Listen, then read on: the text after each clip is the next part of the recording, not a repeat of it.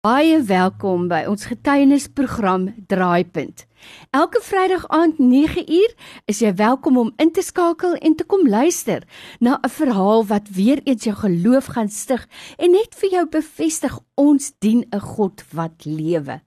Ek gesels vandag met Ronel Prins en ek dink as jy al ooit so siek was dat jy gevoel het ek loop deur die dal van doodskade weer dan sal jy nou goed kan vereensgewig met Ronel se verhaal.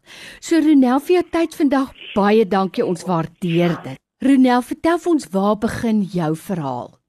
Ek het in Maart 2019 baie siek geword en uh hulle het my Karel Bremer Hospitaal toe gestuur. Ek het in huisbouker gebly psigiatriese ouetehuis. Hulle het my Karel Bremer Hospitaal toe gevat dit was winter ek en, en ek het voor 'n oop venster geslaap. Toe kry ek dubbel longontsteking. Sjoe. Ek was toe 73.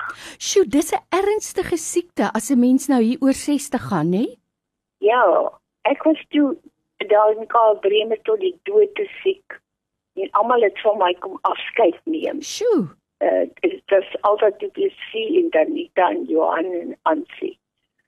En my twee dogters, Inge en Adele, het dit uiteindelik reg gekry om aan die Louberg net keer private hospitaal te vat. Gelukkig het ek 'n goeie mediese fonds gehad. Daar was ek vir 2 maande in 'n koma. Sjoe. Hulle het my aan masjiene gekoppel en van Junie tot Julie. Hulle het 'n gaatjie in my my keel gemaak met 'n pypie sodat ek die asem kon kry en elke dag met 'n uh, fisioterapeut ingeskryf sodat ek beweeglik kon bly want hulle het gedink ek sal in 'n reis toe laat. En dan sou ek nie kon loop nie. Hm. Ek het van niks geweet nie. Was aan masjiene gekoppel. Een nag het ek 'n droom, eerder 'n visioen gehad. Ek droom ek is in die hel.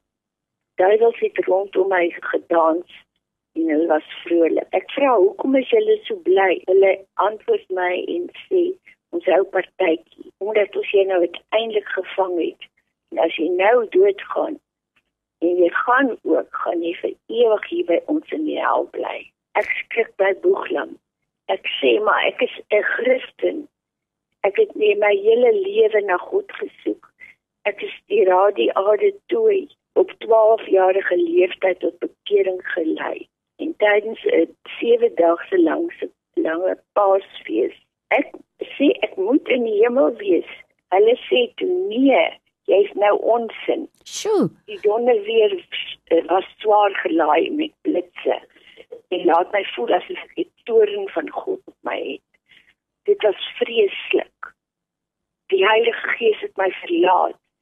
Ek voel toe net so verlate en verskriklik geskok.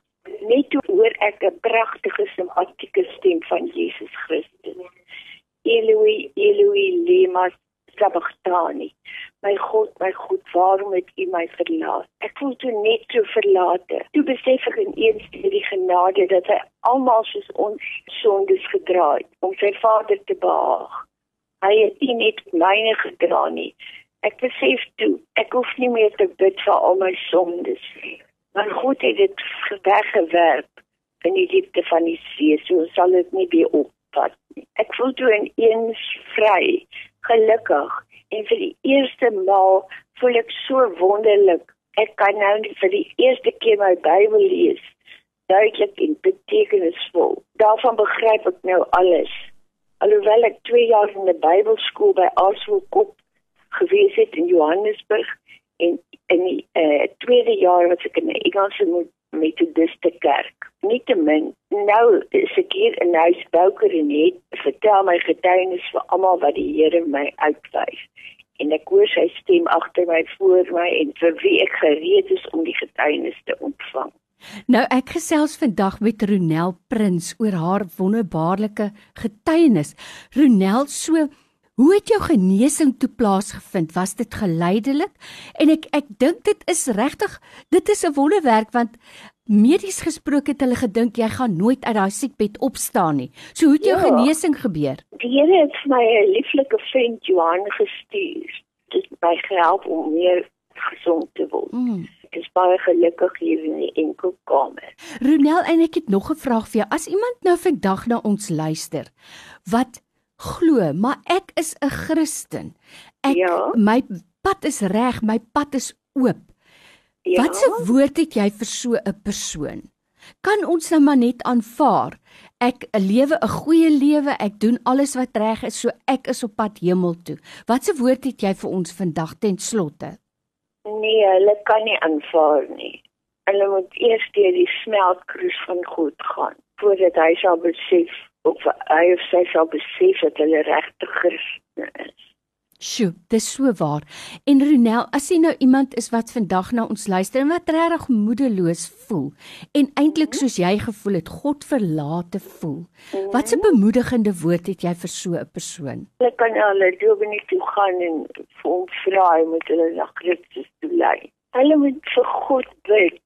Dit hy vir hulle iemand op hulle pad gestuur al is dit 'n engel in menslike gedaante wat vir hulle kan help en hulle tot bekering toe kan lei. En Sjoe. hulle moet ook hierdie diens luister Vrydag 9 uur. Hmm. Sjoe Ronel, ek is so bly dat jy vandag met ons gesels het. Dis die getuienis van Ronel Prins.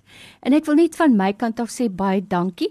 En wanneer 'n mens nou so 'n wonderlike ervaring gehad het, dan wil jy dit met almal deel. So baie dankie daarvoor. Ek dink 'n mens se lewe is net nooit weer dieselfde nie. Vir jou tyd vandag, ons waardeer dit baie dankie. En dan Ronel, weet ek jy het ook al gedigte geskryf, soos daar ons luisteraars is wat luister en wat bereid is of tyd het om dit vir in Engels te vertaal, sal jy vir ons dan jou selfoonnommer gee, Ronel? 076 785 1063 076 785 1063 Dis Ronel Prins vir jou tyd vandag. Baie dankie, ons waardeer dit. Baie dankie. God seën julle.